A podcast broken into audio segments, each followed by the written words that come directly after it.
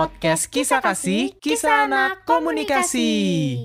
Halo Rangers, selamat datang di podcast Kisah Kasih Kisah Anak Komunikasi. Balik lagi nih bersama gue Maul. Nah, di episode kali ini bakal ada sedikit yang berbeda nih Rangers. Untuk hari ini gue nggak ditemenin sama partner gue Zara.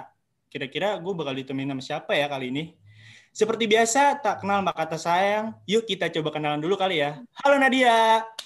Halo Rangers, kenalin nama gue Nadia. Gue mahasiswa ilmu komunikasi di Binus University. Nah, untuk sementara waktu, gue bakal gantiin Zara buat nemenin kalian di podcast Kisah Kasih selama beberapa episode ke depan, Ul. Oke, halo Nadia, lo apa kabar nih? Semoga sehat-sehat selalu ya. Wah, Alhamdulillah gue sehat dan baik-baik aja nih, Ul. Di tengah pandemi yang lagi marak banget akhir-akhir ini. Kalau sendiri gimana, Ul, kabarnya? Alhamdulillah, gue juga sehat walafiat nih. Semoga kita semua tetap sehat dan dijauhkan dari COVID-19 ya, Oranges. Eh, by the way, Nat, tapi lo ngerasa nggak sih kalau akhir-akhir ini tuh waktu berjalan cepet banget. Tiba-tiba aja kita udah lulus SMA dan sekarang ditambah kuliah online yang nggak kerasa ternyata udah semester 4 aja, Nat. Asli, Ul, parah. Emang waktu tuh cepet banget rasanya. Nggak berasa kita tuh udah sejauh dan setua ini. Kemarin aja tuh baru ada pengumuman SBM lagi, Ul, buat masuk perguruan tinggi. Padahal rasanya kayak baru kemarin banget gue ngikutin SBM. Eh, sekarang udah ada angkatan baru lagi aja.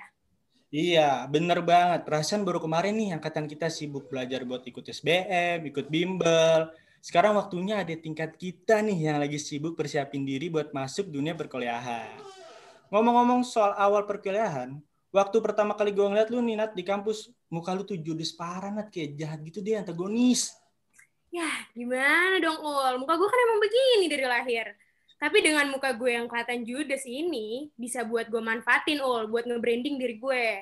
Wah, bener juga tuh, Nat. Ada untungnya juga ya punya muka judes. Ngomong-ngomong soal unik yang bisa membantu gue nge-branding diri, kita kedatangan narasumber yang punya tips dan pengalaman yang seru buat di-sharing sama kita, Ul. Hah? Siapa tuh, Nat? Narasumber kita kali ini? Penasaran banget nih gue. Sama, gue juga penasaran. Oke, langsung aja deh kita sambut. Kansa dan Cia. Hai Halo, Kansa, Kansa. hai Cia. Halo, Cia. Halo, Kak. Oke, kalau itu coba kita perkenalan dulu kali ya. Kalau dari Kansa dulu gimana coba? Oke, halo semuanya. Nama aku Kansa Herunisa, biasa dipanggil Kansa. Aku itu dari jurusan Marketing Communication, aktivis Himkom 2020. Halo, salam Hai, kenal ya Kansa. Salam Halo. kenal. Coba lanjut ke Cia.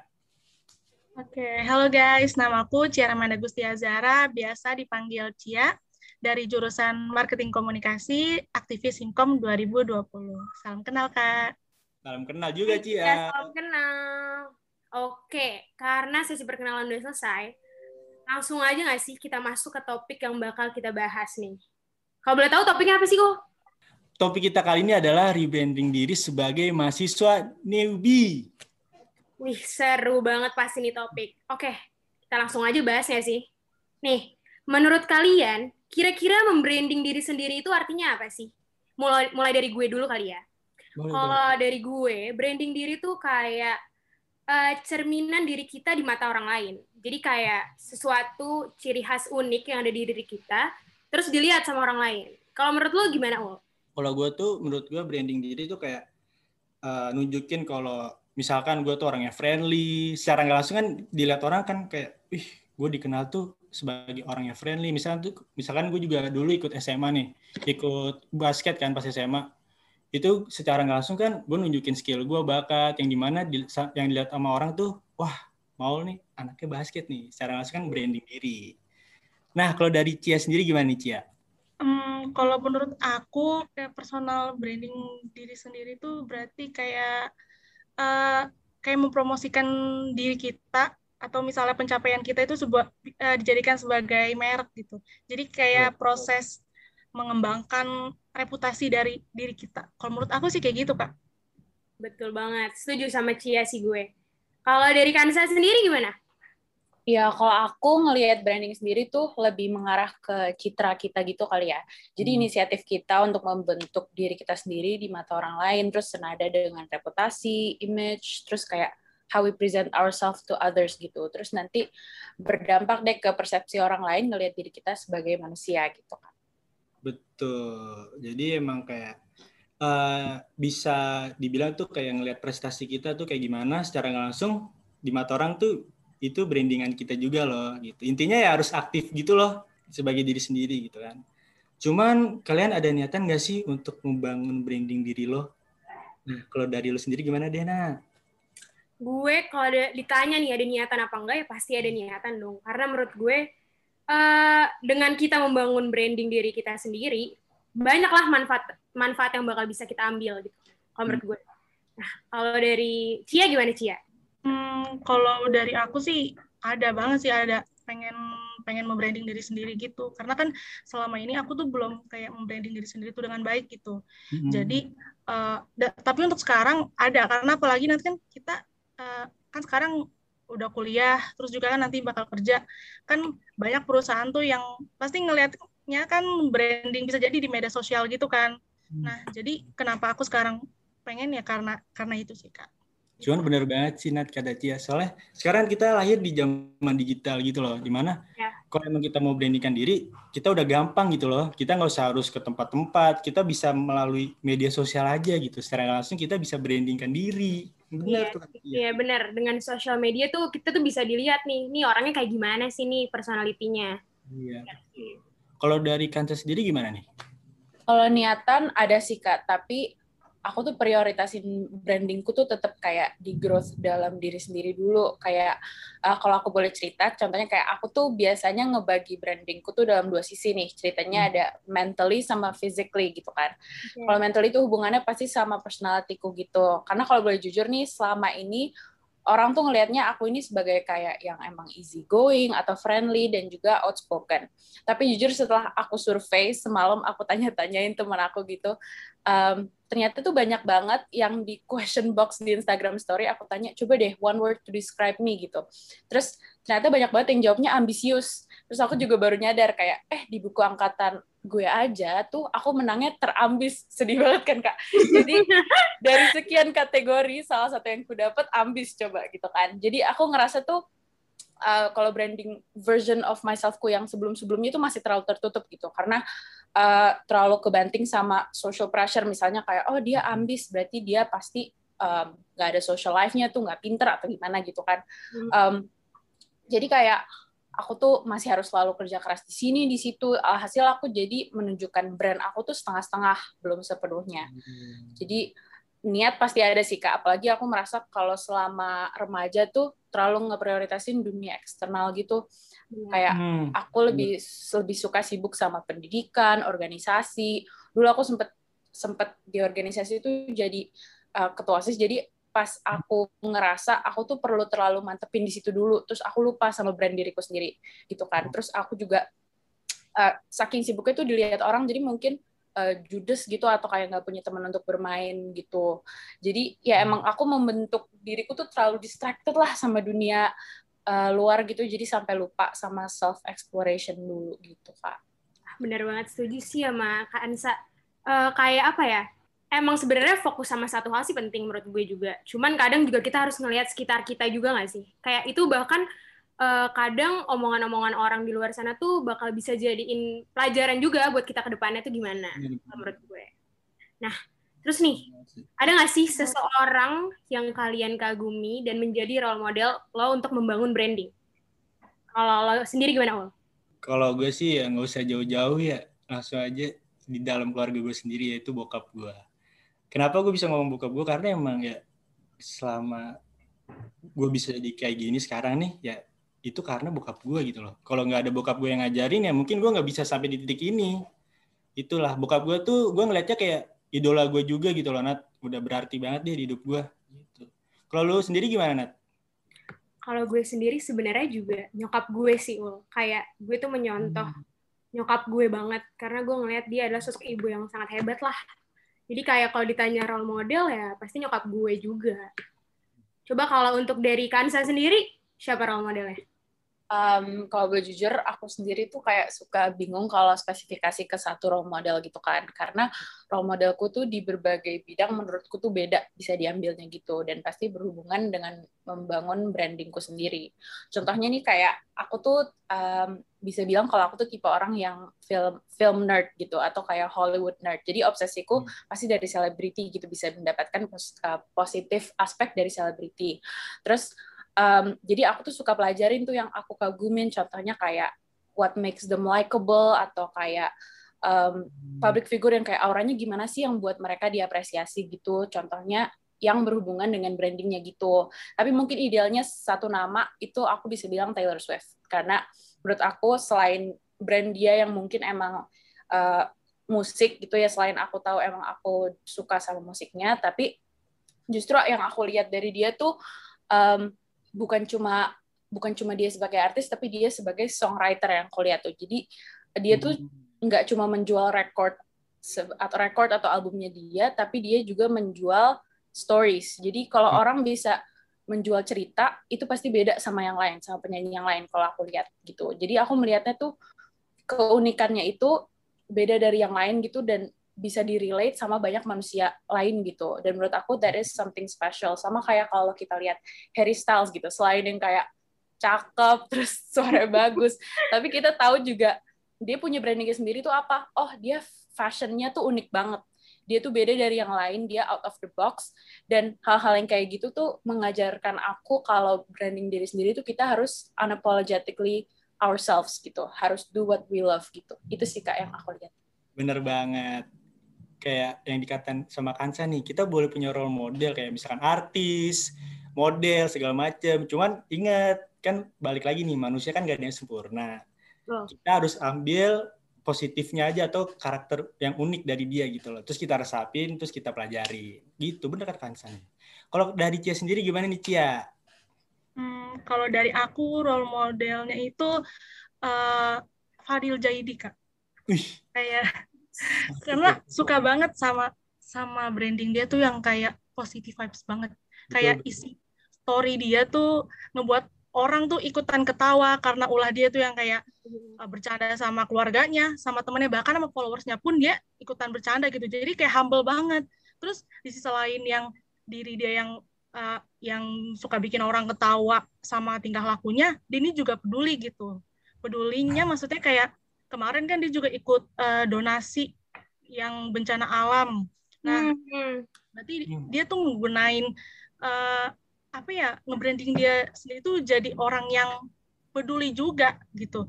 Peduli hmm. sesama, peduli sama keadaan, peduli sama pokoknya di selain dia yang kayak isinya tuh ketawa-tawa terus bercanda-canda mulu tapi ternyata dia ini orang yang peduli juga gitu. Peduli kenapa? Juga.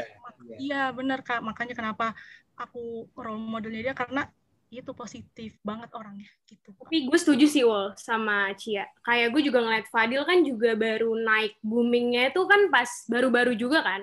Terus hmm. tapi tuh dia tetap tetap humble dan tetap kayak ngasih lihat dia yang kayak awal, yang apa adanya.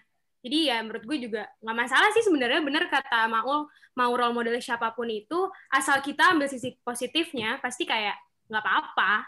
Bener banget. Cuman apa sih tanggapan orang-orang tentang brandingan lu nih yang udah lu bangun gitu? Kalau dari gue pribadi sendiri ya, kadang tuh ada ya tanggapan positif dan juga negatif juga ada. Cuman ya itu wajar sih menurut gue karena urusan kayak gitu tuh uh, gak bisa gue atur gitu loh. Itu tuh emang bukan kehendak gue. Cuman gimana cara nanggapin guanya aja nih. Uh, mau secara positif nanggepinnya apa negatif balik lagi kalau gue. Kalau cuman sejauh ini gue kalau ada misalkan uh, komen-komen negatif mengenai brandingan gue ya gue dijadiin malah kayak introspeksi diri gitu loh jadi pelajaran oh mungkin uh, eh, gue harus lebih bagus lagi nih jangan sampai bikin uh, orang-orang itu kecewa kalau gue gitu. Kalau lu sendiri gimana Nat? Kalau gue tanggapan dari orang-orang tentang branding gue sih pasti ada ya. Kayak gue tuh orangnya friendly banget. Jadi terkadang ada orang yang mengira gue caper terlalu friendly. Padahal sebenarnya emang apa daya diri gue emang kayak gini gitu loh Nah, kadang sih sama sih kayak lo ya, Ule. Jadi kadang kalau ada omongan-omongan kayak gitu, mungkin dulu gue overthinking. Gue kayak, aduh, gue emang salah banget ya. Aduh, emang gue harus jadi diem ya. Cuman lama-lama proses gue jadi bersikap bodo amat gitu loh jadi kayak gue ambil sisi positifnya kayak oh mungkin gue harus kurangin ya tapi gue uh, apa omongan-omongan negatif yang mereka kasih ke gue itu nggak jadi bikin gue ngedown gitu sekarang. Ya, Kalau dulu jujur gue ngedown banget. Jadi kayak emang semua tuh butuh proses untuk itu proses. penyesuaian sebenarnya gitu. Nah kalau dari Cia, Cia gimana nih tanggapan orang-orang tentang branding diri kamu? Hmm, orang-orang tuh kan biasanya menilai aku nih sebagai orang yang kayak dibilang tuh selalu ceria, isinya tuh kayak ketawa-tawa terus gitu kan. Jadi uh, kalau uh, sama sih kayak Kamaul sama Kanadia ada yang nega, ada tanggapan positif, ada tanggapan juga yang negatif gitu. Kalau yang positifnya rata-rata orang suka ngomong gini kayak uh, kalau aku ini berguna bagi orang-orang yang punya banyak masalah gitu. Jadi katanya kalau misalnya orang-orang bilang kalau punya masalah lu kecil aja deh, nanti juga masa lalu hilang gara-gara ketawa gitu, gara-gara aku yang kayak suka ngelucon gitu kan. Jadi mereka kayak lupa sama masalahnya. Tapi di sisi lain juga adalah orang yang kayak nilai bahwa aku nih hidupnya tuh kayak bercanda mulu, nggak bisa nggak Hmm. bisa nggak bisa ngelihat sesuatu hal itu jadi serius gitu. Padahal kan aku juga tahu gitu mana yang harus diseriusin, mana yang ya Bercanda. santai aja gitu, nggak usah Iya. diseriusin banget gitu. Jadi ya tapi aku sekarang sih udah sama kayak karena dia udah kayak bodo amat deh sama sama yang negatif gitu maksudnya kayak ya mungkin dijadiin kayak pembelajaran kayak oh mungkin ah, kalau sama orang ini aku nggak nggak nggak nggak boleh yang kayak terlalu bercanda-bercanda banget kayaknya nih orang demennya serius gitu jadi jadi aku tahu sih lebih tahu batasan aja gitu sama orang-orang yang nggak terlalu aku kenal gitu sih kak kurang lebih Bener, pasti rata-rata kayak gitu nggak sih? Dengan ya bener banget ya uh, komentar-komentar negatif tuh pasti jadiin acuan untuk ke depannya. Nah, Betul. kalau Kansa gimana Kansa? Kalau aku tanggapan pastinya uh, ada dan uh, kadang baik, kadang buruk juga. Tapi mayoritas baik-baik aja sih untuk yang di depan muka aku gitu ya. Tapi pastinya Mm-mm. mungkin bisa dilihat dari SMA kali ya, karena kalau social life di kuliah sekarang tuh masih non-existent, belum pernah ketemu Ya, semuanya. kan ketemu ya, Benar. Jadi di SMA itu aku kan eh, dianggapnya aktif ya. Jadi aku tentu sebenarnya waktu itu pasti bangga sih dengan hal itu. Tapi banyak juga orang yang datang ke aku dan justru nge-compliment gitu kayak, wah lo bisa ya balance gitu pendidikan oke, main mulu juga oke gitu. Jadi aku agak bangga sih di branding bagian itu sebagai orang yang dilihat balance dalam akademis dan juga pergaulan. Terus itu achievement menurut aku. Tapi aku nggak sendiri nggak nggak sendirian juga sih kayak teman-teman aku dulu juga banyak yang inspiratif yang emang main sering, pinter juga sering gitu kan. Tapi ya alhamdulillah kalau brand yang seperti itu yang positif tuh didapatkan tanggapannya tuh banyak. Tapi negatifnya juga ada sih kak pastinya gitu. Ya, intinya tuh kalau emang misalkan kita dapat tanggapan negatif, yang gimana ya, mau diurusin juga capek di diri kita sendiri gitu loh. Kan kita juga punya kesibukan lain kan. Benar. Gimana cara kita nanggepinnya aja, mau secara baik-baik apa mau di diladenin gitu kan. Gitu. Ini juga buat pesan tips buat Oranges nih, kalau emang punya tanggapan negatif, kalau bisa tuh gak usah lah diladenin kayak cuek aja, cuman tetap jadi introspeksi diri aja gitu guys. Nih, pas banget lagi ngomongin tanggapan. Nah, pernah nggak sih kalian tuh dapet komentar nih dari seseorang atau dari siapa pun lah tentang pendapat yang kurang enak dari orang lain tentang diri kalian? Kalau kalau boleh tahu nih, boleh nggak sih diceritain dapat komentar buruknya tuh kayak gimana? Terus tanggapan kalian tuh gimana? Kalau Lowell gimana?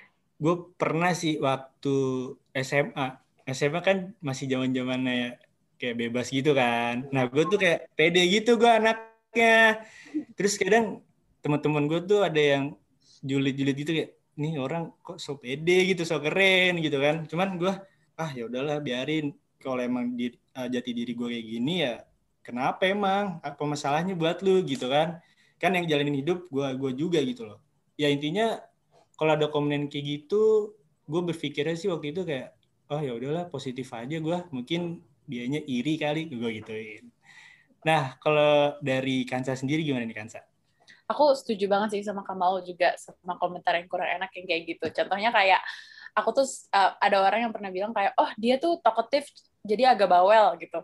Atau Hmm. kayak duh si Kansa sok keren banget sih kayak ekstra banget gitu jadi dibilang sok keren sampai dikira alay gitu karena banyak ngomong gitu kak ya tapi itu menurut aku kayak dalam kehidupan kita pasti bakal ketemu sih sama orang-orang yang bakal ngasih kayak uh, negative thoughts kayak gitu. Bener. Tapi nggak tahu kenapa kayak seiring berjalannya waktu tuh menurut aku mentalku udah udah makin kuat gitu loh kak. Apalagi hal-hal yang seperti itu menurut aku tuh bisa dijadikan pelajaran sih. Karena menurut aku nggak ada kan orang yang kuat kalau dia nggak pernah dikasih tantangan. Benar Ih. banget. Bener. Kayak- Kita tuh kuat tuh pasti karena keadaan yang ada nggak sih? Jadi lama-lama tuh kayak terbentuk jadinya mentalnya. bener bener bener. Nah, kalau dari Cia sendiri gimana nih Cia? dapat yang kurang enak ya kak. Kayaknya kalau yang dari depan muka banget kayaknya belum pernah sih. Tapi tapi aku rasa sih pasti ada sih yang komen-komen gak enak gitu. Iya, kayak emang misalnya, Nah, kayak misalnya aku nih kan kalau di SMA tuh bisa dibilang yang aktif banget. Kayak Hmm. kalau kalau- kalau jam kos bukan bukan belajar tapi malah main gitu, malah main sama temen-temen. Kayak ngapain kayak di depan kelas ngapain kayak nyanyi apa ngapain. Nah Hmm. pasti uh, ada lah komen yang kayak caper banget nih orang nih kayak Hmm. gara-gara gara-gara keaktifan aku ini pasti bakal dibilang caper gitu.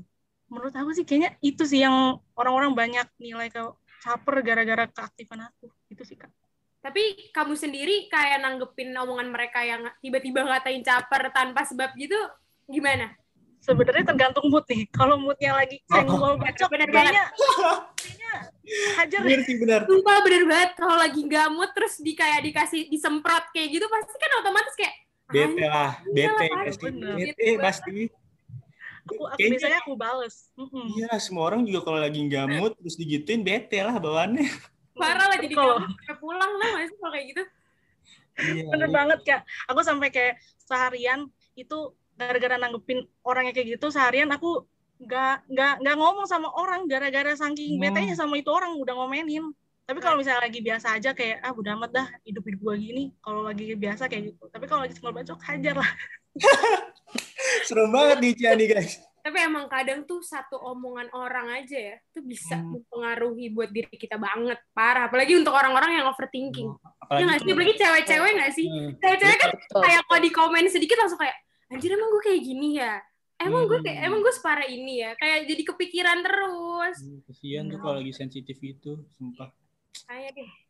Cuman selama proses lu dari SMA sampai kuliah nih, ngerasa nggak sih ada perubahan besar di dalam diri lo yang sekarang?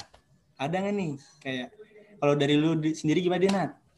Kalau gue, ini kan ditanya soal proses dari SMA sampai kuliah yang gue ngerasa ada perubah- perubahan dalam diri gue ya. Hmm. Ini sebenarnya gue cerita nggak apa-apa ya, tapi ini agak malu sih ceritanya. Jadi eh, SMA gue itu sama rumah gue nggak nyampe 500 meter. Berapa ya? Sekitar 200 sampai 300 meter. Hmm. Tapi eh, tapi tuh karena terlalu dekat, kadang tuh gue suka eh, malah jadi telat. Nah, Dan gue biasa setiap gitu berangkat- Dan gue tuh setiap berangkat sekolah, itu tuh gue naik Gojek. Sampai gue tuh dijulukin kayak orang termales sedunia tuh dicap tuh Nadia gitu loh. Jadi kayak tiga- 300 meter dari rumah tapi naik Gojek. Kan aneh kan sebenarnya. Tapi sedangkan nih pas aku kuliah, rumahku kan di Bekasi. Ya, rumah rumah aku di Bekasi, kampus aku di Manggisan, yang di mana jauh dong Jakarta Barat ke Bekasi. Sedangkan aku PP, pulang pergi bawa kendaraan pribadi. Kayak aku ngerasa di masa perkuliahan ini sih aku jadi lebih mandiri ya. Jadi lebih bisa sendiri yang tadinya tuh apa-apa harus bukan manja ya, apa-apa tuh harus difasilitasin Ya. kayak harus naik Ngerti gua. gojek, harus diantar. Setelah kuliah kayak gini dikasih dikasih kayak tantangan nih, loh setiap hari jalan dari Bekasi ke Kemanggisan. Ya udah jadi bisa gitu loh. Jadi lama-lama kayak kebiasaan walaupun macetnya aduh ampun deh, Ampun banget. Macetannya. ampun banget. Kalau dari lu sendiri gimana, Ul? Kalau eh, proses yang gue kerasain nih dari SMA, bedanya SMA sama kuliah tuh kayak, kalau SMA kan gue kayak hidupnya tuh bener terasa banget bebas, definisi freedom, sumpah kayak gue ke mana pun gue bisa, gue nongkrong, gue main. Cuman pas gue masuk ke kuliah tuh baru tuh kayak kerasa, oh jadi kuliah tuh kayak gini. Oh, gue harus punya tanggung jawab yang lebih besar lagi nih. Ibaratnya gitulah kayak masalah tugas, masalah absen, tanggung jawab dan yang lain-lain. Oh, jadi bedanya tuh kayak gini kuliah sama SMA. Kalau gue di masalah tanggung jawab, kalau gue. Nah, kalau dari Cia sendiri gimana nih? Kalau perubahan kan pasti ada ya karena kan apalagi lingkungannya udah beda terus cara cara berpikirnya pun juga udah beda dari yang SMA sekarang kuliah pasti kan berpikirnya udah beda gitu kan. Uh, kalau dari aku lebih ke ini sih dulu aku SMA anak anaknya itu nggak enakan banget nggak enak itu bener-bener nggak enakan banget. Kayak orang minta contekan ke aku langsung aku kasih dia dia nyalin juga aku bodo amat. Kayak pokoknya pokoknya yang penting uh, aku ngasih gitu contekan aku ke dia. Tapi kalau untuk sekarang apalagi uh, binus ya kan nggak bisa nyontek ya. Kalau nyontek Iya, nyontek kalau langsung kalau kamu Cia kalau nyontek. terus uh, apalagi sekarang di binus kan nggak bisa asal ngasih. Habis itu dia bisa asal ngopas gitu kan. Nah kalau Hmm. sekarang mungkin aku lebih kayak lebih tegas sih. Lebih tegas kayak uh, kalau misalnya dia mau minta contekan aku mungkin bisa bilangnya kayak uh, lu nggak ngerti soalnya nih di mana. Kalau misalnya uh, nggak ngerti gue jelasin aja deh. Atau Hmm. cara jawabnya kayak gimana daripada gue ngasih jawaban gue karena kan kadang kalau udah ngasih jawaban orang itu kan berarti kita kayak miki- pemikirannya tuh sama sama sama dari jawaban aku ini. Takutnya Iya, iya. nanti sama persis dibilangnya kerja sama beneran kan takut. Itu sih. Jadi aku sekarang lebih tegas aja sih sama orang. Walaupun masih ada rasa nggak enakan tapi tetap harus gitu ngelawan ngelawan itu Iya. Tapi emang perlu sih ul kayak gitu. Kayak kadang tuh mungkin dulu SMA bener santai gitu ya, contek-contekan tanpa tahu nih jawabannya bener apa enggak sih juga sebenarnya. Nah, lebih baik juga kita mending ngajarin kan lebih masuk ke otak ya nggak sih lebih masuk ke Iya. otak dapat ilmu jadi nggak asal nyontek gitu loh jadi dapat ilmunya ya dapat conteknya juga sih walaupun pahalanya juga jadinya. salah gue nggak membenarkan itu sama sekali cuman ya proses sih itu makanya bisa jadi lebih tegas kan Cia? Ya bener banget kak. Kalau dari Kansa gimana Kansa? Eh, perubahan pastinya ada eh, mungkin nggak besar-besar banget tapi karena kita kuarantin gitu ya kuliahnya mungkin. Jadi aku justru kayak jadi spend more time sendirian karena aku kalau SMA tuh seringnya tuh pasti mainnya gerombolan mulu nih misalkan. Hmm. tapi begitu sendiri tuh kerasanya beda banget. Apalagi aku tipe orang yang emang eh, keluarga aku tuh nggak keluar keluar rumah gitu. Jadi aku kerjanya di kamar terus gitu. Nah aku tuh ngerasa transisinya tuh dari SMA ke kuliah tuh jauh tapi juga kecil gitu. Maksudnya beda banget. Aku tipe orangnya tapi jadi kecil juga karena di rumah terus gitu. Yang pasti tadinya tuh aku tuh tipe di SMA tuh yang eh, namanya tuh memory oriented gitu. Jadi aku nyimpen memori dari semua hal semua event sama teman-teman pasti ngonten gitu kan di foto di di apain ditaruh di eh, story atau gimana. Terus aku juga kadang-kadang tulis di jurnal dan pokoknya aku selalu ada dokumentasinya gitu dari kegiatan aku. Tapi karena aku di rumah sekarang aku ngepost aja tuh udah jarang banget kak. Karena selfie aja udah insecure sendiri gitu kali ya. Ngeliat diri sendiri aduh gue gue lagi gitu kan. Agak bosan jadi begitu sendirian apa pun yang dilakuin tuh rasanya kayak nggak worth it gitu kan. Kayak diribetin sampai aku tuh overthinking sendiri kayak duh ngapain sih gue selfie lagi? Orang orang pada bosen lihat gue di Instagram. Padahal mungkin gak ada yang peduli gitu kan. Jadi iya. perubahan besarku perubahan besarnya tuh pasti itu sih jadi self conscious gitu kalau sendirian gitu. Jadi bukan bukan tipe-tipe yang kayak aku juga nggak bisa tuh sekarang melihat line gitu nggak ada yang ditungguin chat dari siapa pun. Gitu kan kayak oh kalau semen, sama temanku saya justru bukan orang yang kayak chattingan tiap hari cerita apa pun Iya. gitu. Oh iya. kita pasti yang kayak kalau ketemu baru cerewet gitu kan kak. Iya, sama pasti banyak yang kayak gitu. Jadi itu udah udah udah agak beda jauhnya tuh di situ ngelihatnya.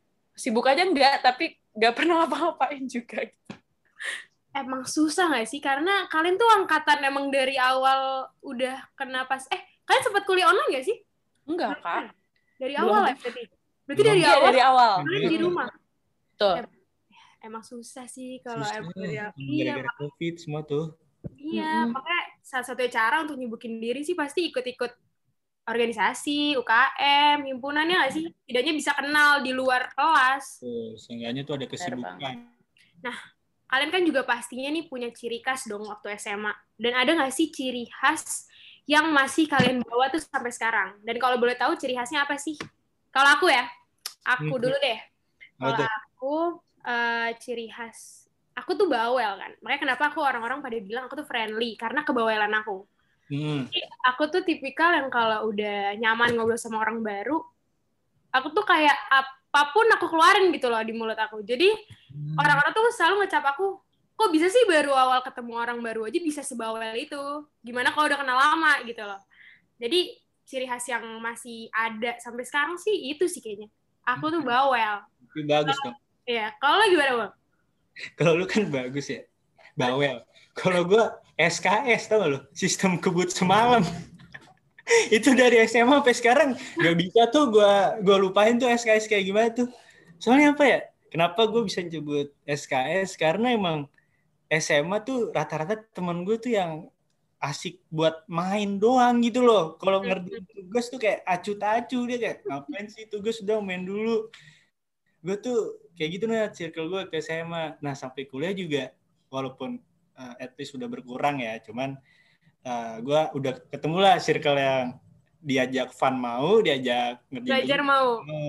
Itu untungnya di situ kalau gue sekarang gue udah ya nggak mepet-mepet deadline banget lah kalau ngerjain tugas. tapi tapi kalau SKS mah kayaknya hampir semua orang nggak sih kayak gitu kayak Oh, iya sih, bener juga ya. maksudnya kan tugas tuh penting ya jadi mau semepet apa pun deadline-nya pasti dikerjain apalagi kalau deadline-nya udah mepet tuh malah jadi lancar otaknya wow Oh iya bener. ya kan Kalau gue pribadi walaupun gue waktu itu suka S, apa kayak SKS gitu, cuman gue tetap tanggung jawab. Ya gue kelarin, ya gue kelarin tuh tugas sampai begadang, sampai begadang. Gue gitu. Nah kalau dari Kansa sendiri gimana nih? Uh, pastinya ada sih kayak ciri khas kayak uh, tapi mungkin karena kita anak komunikasi nih kita kan baru cerita anak komunikasi pasti kayak ciri khas bawel pasti iya Hmm. sering cerewet pasti iya gitu kan jadi menurut aku itu tipikal gitu kayak kalau dari kita kita yang anak komunikasi gitu pastinya tapi dulu tuh aku tuh kayaknya ciri khas itu uh, kalau di pendidikan gitu mengutamakannya tuh partisipasi gitu jadi Hmm. selain di buku angkatan ada kata-kata terambis gitu kan di organisasi aku juga dilihat sebagai seorang leader gitu jadi ciri khasnya jadi kalau eh, tapi menurut aku hal-hal yang kayak gitu tuh karena udah label mungkin beda sama brand diri sendiri kita gitu kali ya kak. Aku tuh ngeliatnya kalau brand tuh ada sesuatu yang berbeda sama personality kita. Nah yang aku pengen ceritain tuh sebenarnya ini agak exposing diri sendiri sih. Hmm. tapi aku tuh tadi aku sempat selipin aku tuh film nerd gitu. Jadi aku adik adiksi film banget. Jadi aku tuh dari dulu emang hobinya tuh sering nonton. Ini baru ku sadari selama satu tahun sendirian nih quarantine. Jadi aku kayak gila kerjaan gue nonton terus ya gitu kan. Tapi begitu sendirian gitu kayak aku tuh jadi tahu kalau aku tuh passionate gitu tentang perfilman. Ini cukup brief explanation tapi selama pandemi ini rekor banget dari Maret 2020 sampai Maret 2021 setahun gitu karantin aku tuh udah nonton uh, 561 film Wah, Ini aku catat. serius kak seriusnya aku catet Lu hitungin. Wow. Iya, jadi aku tuh tipenya yang kayak setiap abis nonton ku taruh title-nya gitu. Karena karena aku eh, apa ya? Kayak aku tuh soalnya terlalu apresiasi sama art dari film itu Oh, sendiri iya. gitu. Jadi aku pas aku sadarin semua ini aku pikirin ternyata tuh aku dari dulu tuh ada by default tuh suka kalau kalau ada ngobrol sama teman-teman tuh suka ada referensi film gitu yang masuk kayak Oh. aneh juga gue ya gitu kan. Kayak misalkan lagi ngobrol nih sama teman-teman terus eh, tiba-tiba aku nge-quote atau naruh lines atau dialog dari film terus dijadiin bahan pembicaraan gitu. Dan kayak aku sadar kayak oh ter- ternyata selama ini di circle pertemanan gue orang tuh kayak ny- nyamperin tuh tiba-tiba minta list rekomendasi gitu rekomendasi film. Jadi tiba-tiba datang kayak "Eh, kan sebagai thriller dong. Terus kayak genrenya tuh macem-macem banget dan aku nggak tahu aku dikira kayak walking theater atau IMDb gitu kali ya. Jadi um, kayak aku juga ada cerita dikit pas kemarin Valentine's Day gitu Februari. Kan uh, aku tipe orangnya agak ekstra tuh jadi karena jomblo juga. Jadi suka niat lucu-lucuan sama teman-teman kayak selalu bikin uh, Valentine's Day card gitu yang kayak untuk celebrate love aja gitu sama teman-teman gitu kan Hmm. karena spreading love kan nggak cuma ke pacar doang, ke, Betul. kerabat juga. Nah, itu aku nonjolin brand aku tuh. Brand aku kan ekstra juga gitu. Waktu itu aku uh, selain digital card, aku bikin digital card, dikirim-kirimin gitu ke chat orang-orang. Aku tuh juga bikin judulnya uh, 14 films to watch in February 14. Jadi uh, langsung tuh pada kagetan, pada senang banget, kayak pada bilang, oh my god, niat banget nih orang gitu kan. Dan hal-hal yang kayak gitu tuh yang bikin aku happy gitu. Tapi semen, semenjak nyatetin itu semua di notes di notes di notes aku gitu film apa aja yang aku tonton itu tuh jadi udah deh aku merasa aku udah in my element gitu loh kak kayak aku tanpa disadari tuh kalau aku lihat di story-storyku isinya semua aku lagi nonton screen lap, screen laptopku doang gitu. Kayak kasihan banget gitu isinya film mulu gitu. Kayak kayak mungkin aku bilang itu brand aku gitu. Jadi aku bilang aku tuh passionate banget mau ngomongin film specifically ke film-film yang dari mungkin Amerika atau um, UK gitu. Aku bukan aku nggak nggak sering nonton kayak drama kalau boleh jujur gitu. Nggak pernah malah. Tapi tapi ya gitu. Jadi kayak kalau di kuarantin baru sadar sampai aku tuh nekunin passion itu tuh buat belajar gitu sebelum aku masuk binus aku sempat ikutan online online course gitu yang majornya di film and television. Jadi okay. uh, ada kampus-kampus yang ngebuat online courses kayak New York University, Columbia University gitu-gitu. Jadi mungkin para oranges yang pengen juga gitu untuk di waktu luang bisa juga tuh aku rekomendasiin ikutan online course. Sampai aku jadinya banyak gaining knowledge gitu loh dari dari hobiku yang tadinya aneh itu sampai hatam gitu dipelajarin. Karena aku semuanya tuh udah jadi apa senang sendiri gitu aku belajar history of Hollywood terus baca skrip yang banyak banget aku download jadi itu sih yang aku lihat brand aku tuh yang kayak ciri khasnya sampai sekarang ke bawah gitu kak maaf panjang nggak apa-apa seru banget malah dengernya kayak berarti yang aku tangkap ya berarti selama setahun gara-gara pandemi ini karena kamu di rumah Mm-mm. Cara tidak sengaja kamu berarti makin mengenal diri kamu sendiri gak sih? Ngerasa nggak sih? Mm-mm. Kayak Benar. lebih tahu nih, kayak kamu lebih dominannya ke mana, sukanya apa? Ya, ya nggak Ul? Ada positifnya juga kena COVID kan, jadi sering. Eh nggak gitu. Nggak kena COVID, COVID dong. Maksudnya tetap ada sisi positifnya. Nah, itu positif COVID. Betul sekali, Nat. Salah dong ngomongnya. Salah dong gue ngomongnya nih. Oke, okay. Kalau gitu lanjut aja nih ke Cia. Kalau Cia gimana nih Cia? Kalau ciri khas aku, aku itu SKSD banget kak. SKSD hmm. banget, banget. Kayak orang kalau ngelihat uh, ngedenger nama aku pasti dia bilang ini orang SKSD banget, sumpah. Karena pernah ada satu kejadian, jadi lagi nongkrong, terus teman aku ini bawa pacar. Hmm. Aku belum kenal sama dia, tapi aku dengan tiba-tibanya kayak, halo kenalin nama aku Cia. Terus kayak se semuanya langsung kayak Ci ngapain padahal kayak nggak perlu sampai segitunya Ci gitu. Kayak kayak ya udah halo aja nggak usah sampai kenalin nama aku Cia sampai segitunya. Sampai orang-orang kayak jelas kayak SD-nya kayak udah parah banget deh. Parah banget. Ya ini ini orang yang salah satu orang yang pede nih Nat kayak nih Cia nih. Bagus ya, banget apalagi anak komunikasi emang harus pede. ya, harus friendly gitu harus ya kadang tapi orang nilai terlalu kepedean kak. Kayak terlalu pede lucu gitu dan aku juga sadar selama ini kalau aku berteman sama orang pasti aku duluan yang kayak halo kenalin nama gue Cia. Halo kayak pokoknya aku nih yang membuka membuka membuka apa pembicaraan. Pokoknya ciri khas aku ini SKSD deh.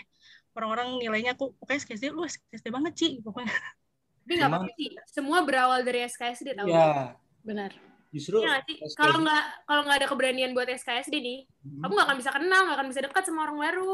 Cuman di balik ciri khas lo itu ada nggak sih cerita tertentu yang menjadi latar belakang nih yang ngebuat hal tersebut lekat di karakteristik lo nah kalau gue kalau gue ada sih kan yang tadi gue sebut tuh kan gue SKS sistem good semalam. Itu kenapa gue bisa lekat? Karena emang gue tuh orangnya suka sedikit mager ya guys. Sama suka sedikit nunda-nunda pekerjaan gitu loh jadinya itu sebenarnya negatif guys jangan ditiru cuman gimana ya diri sendiri gue kayak emang kayak gitu gue orangnya suka sedikit nunda-nunda sama mager kalau gue gitu kalau lu sendiri gimana Nat? Kalau gue, tadi kan gue bilang tuh ciri khas gue di mata orang lain tuh adalah gue orang yang friendly dan bawel. Kenapa gue bisa disebut friendly deh? Nih, gue mau bahas ini. Jadi tuh dulu pas SMA, kan ada dua kali istirahat. Gue yeah. tuh sampai punya jadwal gitu loh jadi misalkan istirahat pertama gue main sama anak kelas gue. Istirahat hmm. kedua gue main sama teman-teman geng gue di luar kelas gue. Nanti pas pulang sekolah gue beda lagi mainnya. Jadi kayak orang-orang kayak Nat lu saking friendly-nya lu bisa ke mana-mana gitu loh. Tapi gue bisa ngambil sisi positifnya sih. Kayak jadi memperbanyak teman memperbanyak link. Dan itu iya pasti guna juga nantinya. Jadi itu aja sih kalau di dari gue. Kalau menurut Cia gimana? Cia ada nggak nih? Apa namanya uh, yang bisa jadi latar belakang dari ciri khas Cia? Kan tadi kan ciri khas aku SKSD ya. Mm-hmm. Sebenarnya karena aku nih suka aja gitu ketemu sama orang baru. Suka banget ketemu sama orang baru. Jadi kayak aku nih lebih lebih kenal banyak banyak pribadi gitu. Jadi uh, kenapa suka banget SKSD ya karena aku pengen kenal dia juga nih kayak ini orang gimana ya. Pokoknya lebih karena suka suka bertemu orang baru sih. Jadi makanya orang-orang ngelihatnya aku SKSD gara-gara yang selalu pertama selalu pertama ngajakin kenalan, selalu selalu pertama ngajakin ngobrol ya karena aku aku suka ngobrol sama orang baru gitu. Karena kalau misalnya untuk orang orang yang lama, teman yang lama gitu kan kayak udah kenal banget lah dia kayak gimana gimana ya udah, udah tahu banget. Tapi kalau orang baru kan kayak lebih tahu lagi nih. Oh oh ada ternyata ya orang yang orang yang kayak gini, orang kayak gini. Gitu sih Kak karena lebih pengen tahu individu yang yang baru gitu. Gitu sih Kak kalau aku. Setuju sih sama kayak apa namanya aku juga tipikal yang suka banget ketemu orang baru. Ya sebenarnya bukan berarti kita bosenan ya sama orang-orang yang kita udah kenal, cuman dengan ya. ketemu yeah. orang baru, balik lagi nih ada sisi positifnya. Ya sih, jadi kita kayak jadi memperluas pertemanan. Pokoknya iya link, pokoknya tuh berguna sih menurut aku dengan dari awal SKSD, terus jadi ketemu orang baru, deket. Jadi kalau ada apa-apa bisa, oh nih orang si A nih uh, linknya ke ini bisa minta bantuan sama dia. Jadi kan enak kan? Bener. karena gue ngerasain banget kayak gitu. Ngerasain banget ya Nate? Hmm. nah kalian seneng gak sih mempunyai karakter yang ngebuat lu unik dan beda dari yang lain? Kalau dari gue sendiri ya sebenarnya gue nggak seneng sih kalau yang diri gue tuh kayak masih suka nunda-nunda kerjaan atau SKS gue nggak seneng sih cuman ya gimana kan namanya juga proses ada prosesnya. Mungkin untuk uh, makin lama makin sini gue juga udah mulai berubah udah bisa gak terlalu mepet-mepet deadline banget deh gitu kalau gue nah kalau dari lu sendiri gimana Nat? ya seneng lah. Seneng banget. Karena uh, dengan gue dicap gue orang yang friendly orang tuh nggak takut untuk bisa kenalan sama gue gitu. Untuk ngobrol untuk untuk terbuka untuk kayak gimana ya kalau misalkan tadi kan lo bilang diri gue tuh judes kan di luarnya. Lo belum mungkin untuk first impression gue judes tapi kan kalau kenal beda lagi tuh gue friendly. Nah. jadi untuk orang-orang yang tahu gue friendly itu tuh jadi orang-orang tuh jadi nyaman gitu loh ngobrol sama gue dan gue seneng uh, di apa punya orang-orang di sekitar gue yang bisa ngajak gue ngobrol jadi orang apa ya gimana ya ngomong ya jadi bisa nyaman gitu loh ngobrol sama gue. Paham gak sih? Paham paham gue paham. Oke kalau dari Kansa sendiri gimana nih Kansa?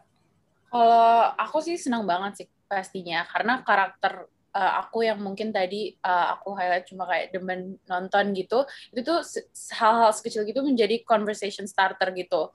Karena kayak aku soalnya kan prioritasin tuh di kehidupanku tuh sadar sama yang namanya uh, niche element. Jadi niche element tuh kayak kalau untuk brand tuh definisinya semacam definisinya semacam ada spesialisasi dalam suatu bidang gitu kan jadi aku tuh pengen aja mengekspresikan diriku tuh lebih di knowledge perfilman itu mulai dari sekarang maupun pop culture gitu. Jadi um, sebenarnya tuh mungkin agak serem kali ya, kayak dibilang nggak sehat untuk mata atau produktivitas gitu kan.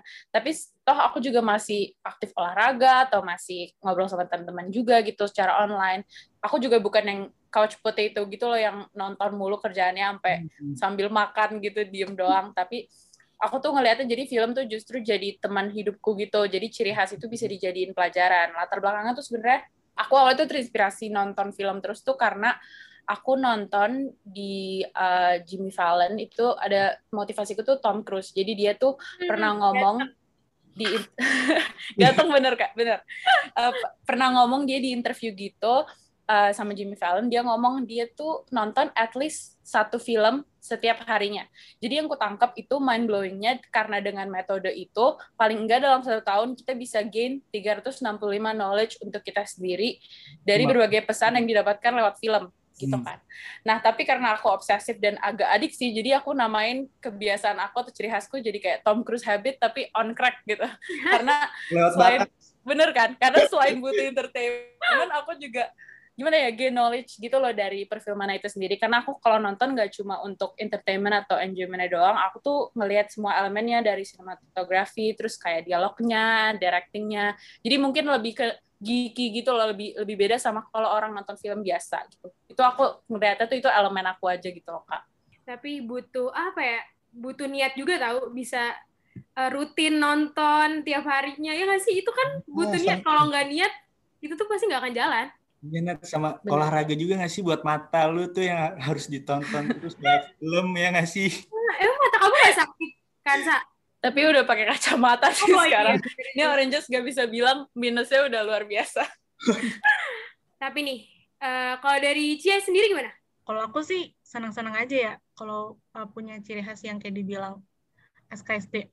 Karena ya, ya itu karena aku SKSD ya jadi punya banyak temen, punya ya punya lingkungan pertemanan tuh yang banyak gitu nggak cuma itu itu doang tapi aku punya punya lingkungan pertemanan tuh yang banyak jadi ya kenapa uh, senang-senang aja kalau dibilang SKSD Terus eh, untuk alasan yang ngebuat kalian tuh mempertahankan karakter itu, itu apa alasannya? Kalau dari Cia gimana?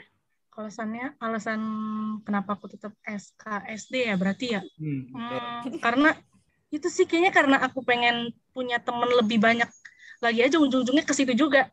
Hmm. Kenapa gue pengen mempertahankan SKSD aku ini karena pengen punya temen lebih banyak. Karena menurut aku apalagi sekarang uh, pandemi yang nggak bisa nggak bisa secara langsung.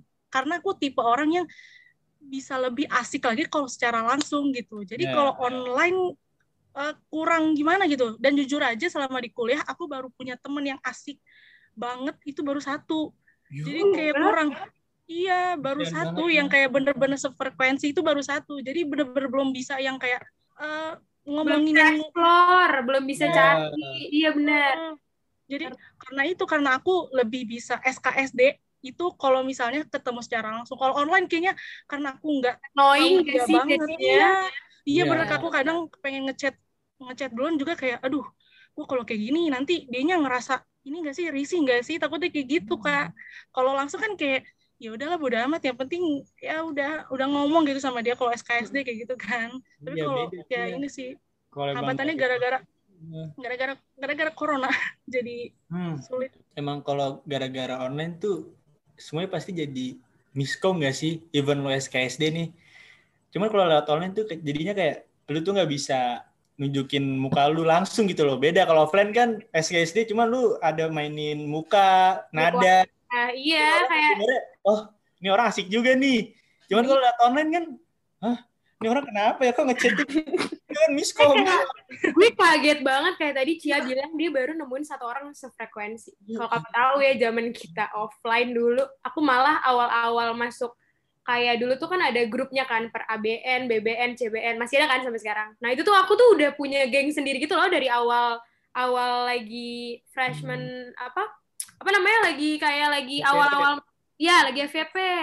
Jadi kayak udah langsung punya geng dan sampai sekarang tuh gengnya walaupun beda kelas tetap main. Jadi kayak emang pasti Hmm. beda banget ya peralihan dari masa offline ke online ini. Semua ujung-ujungnya disalahkan gara-gara COVID. Nah, kalau dari Kansa sendiri gimana nih? Jadi alasanku kalau karakter seperti yang personalitiku tadi ya, kayak yang uh, tetap friendly, tetap ambisius juga, tapi tahu batas diri gitu, tetap uh, baik juga sama orang lain dan juga berani menunjukkan passionku di berbagai bidang maupun segi yang dari tadi aku ceritain tuh adiksi film gitu kan. Aku bakal pertahanin itu sih menurut aku. Karena aku ngerasa kalau itu tuh uh, yang ngedefine diri aku gitu. Karena aku akan seterusnya grow dari sisi itu. Tanpa karakter-karakter itu aku akan terlalu distracted sih sama pendapat orang lain tentang image aku. Karena itu jadi toxic gitu kan. Karena semua manusia kan akan secara konstan tuh membutuhkan penilaian dari banyak orang gitu ya kak. Jadi uh, dengan bertahan dengan brand aku itu sendiri itu tuh yang membuat aku different dari yang lain tapi juga jadi aspek yang membuat aku berkembang sebagai manusia gitu kak. Wih, setuju banget sih. Oh. kayak aku sih sebenarnya mah yang terpenting nih dengan kamu seneng ngelakuinnya kayak nggak masalah sih. Jadi pokoknya yang penting tuh jadi diri sendiri aja. Kayak kalau kamu seneng nih dengan suatu apa ya suatu film atau seneng kayak nah, dalam apa ya misalkan fokus dalam satu hal gitu kalau menurut aku kembangin aja sih karena itu pasti akan berguna juga nantinya apalagi kan kamu bilang dengan kamu nonton film kamu bakal dapat banyak pelajaran kan Parah deh emang nih pandemi nih. kacau Cuman eh, kira-kira apa nih pesan lo buat Oranges tentang yang lagi ngebangun brandingan dirinya sendiri? Cia dulu gimana deh kalau dari Cia?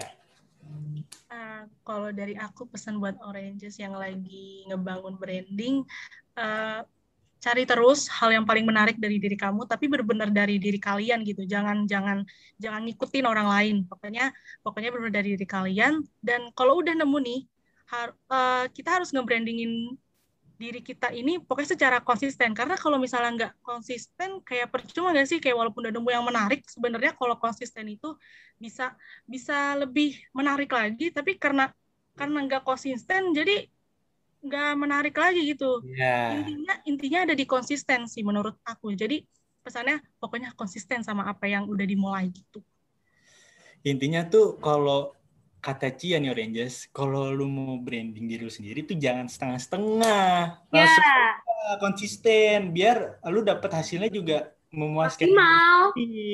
Gitu, hmm. Oranges ini penting nih, konsisten. Nah. Kita juga perlu konsisten, Ul. Oh, pasti dong. Itu pasti. Kita harus konsisten. Pastinya, Nat. Nah, kalau dari Kansas jadi gimana nih, Kan?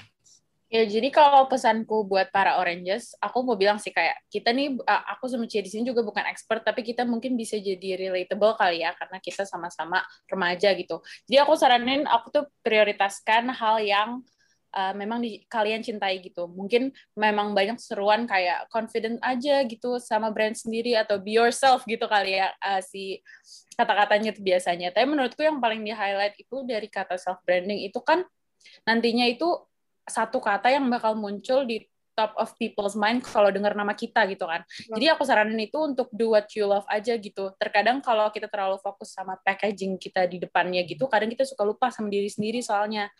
Jadi hmm. boleh banget kita sebenarnya uh, ngelakuin hal yang emang sekeren dan sehebat apa pun untuk create our own uniqueness gitu, to differentiate ourselves from others. Tapi itu juga satu life mantra aku tuh extra to express. Jadi nggak uh, apa-apa banget boleh seheboh apa pun asalkan emang stay true aja untuk dirimu sendiri gitu. Jangan sampai terjebak di area yang di mana kalian justru nggak suka tapi karena demi nge-impress banyak orang itu tuh jadi exhausted ngelakuin hal yang sama terus menerus gitu. Terus aku juga buat Oranges sebenarnya kalau boleh mau rekomendasiin film-film tentang branding nih kak, gimana? Oh, boleh banget. kalau boleh gak sih? Tahu dong kan sa. Kasih tahu kasih paham. Jadi jadi ini mumpung ada brand aku nih aku aku aku ekspres ya brandnya ceritanya. Jadi kalau Oranges mau nyatet boleh disilakan dicatat juga. Jadi titlenya itu uh, karena ini ceritanya ada ini adalah episode 7 kalau aku malu nggak apa-apa ini aku sama Maul juga sekalian oh, sorry, sorry, sorry. buat rekomendasi film okay, kita okay. sorry sorry Oke okay, ya, jadi uh, karena kita lagi episode 7, seingat aku karena aku juga sering dengar. Uh, jadi ada tujuh film ya. Jadi itu uh, judulnya adalah The Iron Lady, Hidden Figures, La La Land, Miss Americana, Easy A, The Dove, dan The Devil Wears Prada. Itu aku kasih tujuh uh, untuk ceritanya hadiah gitu kan dari dari aku buat para Oranges gitu. Kalau ada yang suka Baik banget kan satu Oranges ngasih filmnya. Iya.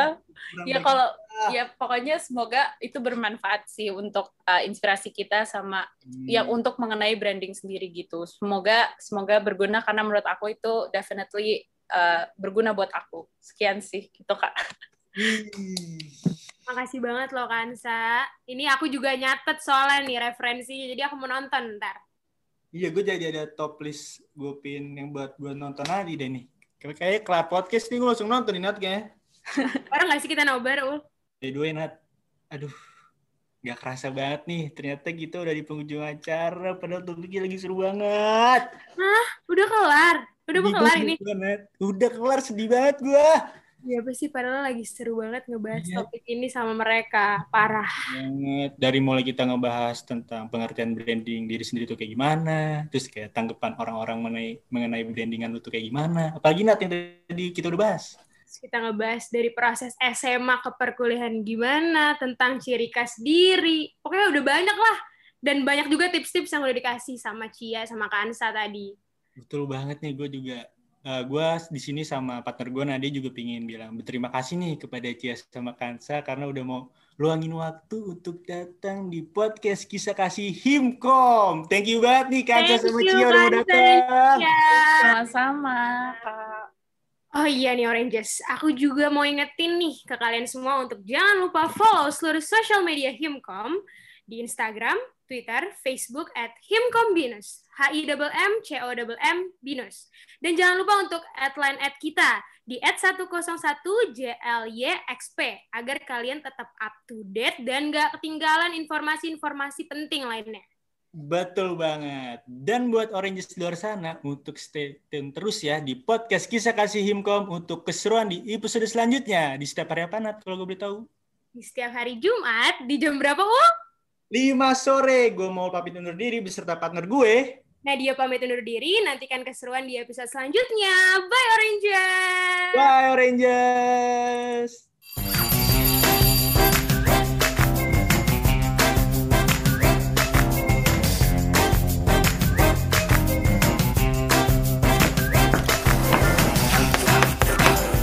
Podcast Kisah Kasih, Kisah Anak Komunikasi.